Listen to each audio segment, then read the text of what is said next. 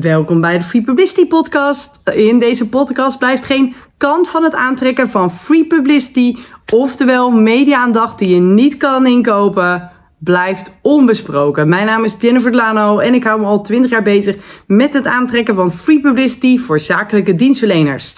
En in elke podcast gaan we op zoek naar de antwoord op één vraag die uh, mij eerder is gesteld. En de vraag van deze week is: wat mag niet in een persbericht? Nou, daar zijn een aantal kleine doodzondes die ik zeker niet zou gebruiken in een persbericht. Dus wat mag niet in een persbericht? Um, en dat is uh, keihard liegen. Zou ik niet doen. Krijg je later veel spijt van. Wil je niet. Um, maar er zijn ook een paar doodzondes waardoor een persbericht waarschijnlijk heel snel de prullenbak in wordt gegooid door een journalist.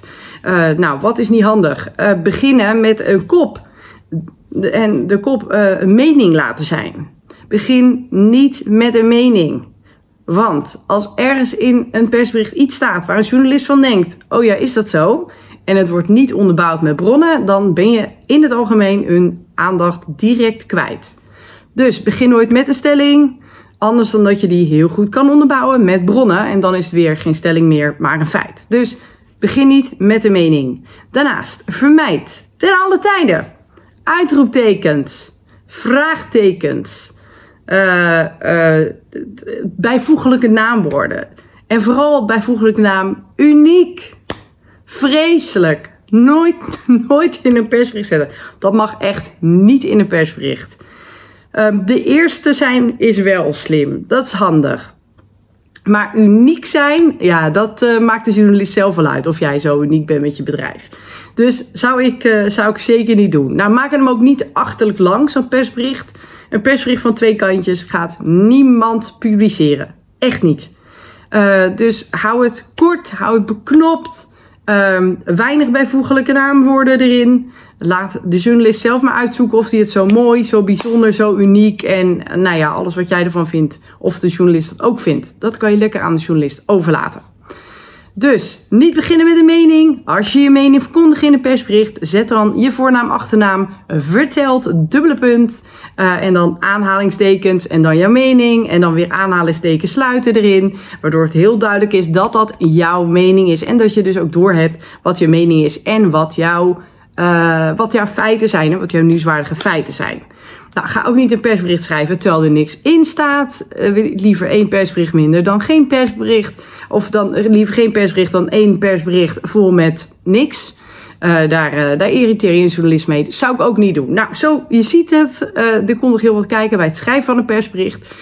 Um, nou, tot zover mijn antwoord op de vraag: wat mag niet in een persbericht? Dus geen rare leestekens, geen rare bijvoeglijke naamwoorden. Laat de journalist maar zelf bepalen wat hij van, uh, van iets vindt. Uh, zet een mening, uh, zet dat neer als je mening. Dus vertel erbij wie dat dan zegt. En aanhalingstekens openen, aanhalingstekens sluiten. Maak er een goede quote van en hou het kort en krachtig. Daar is een persbericht voor.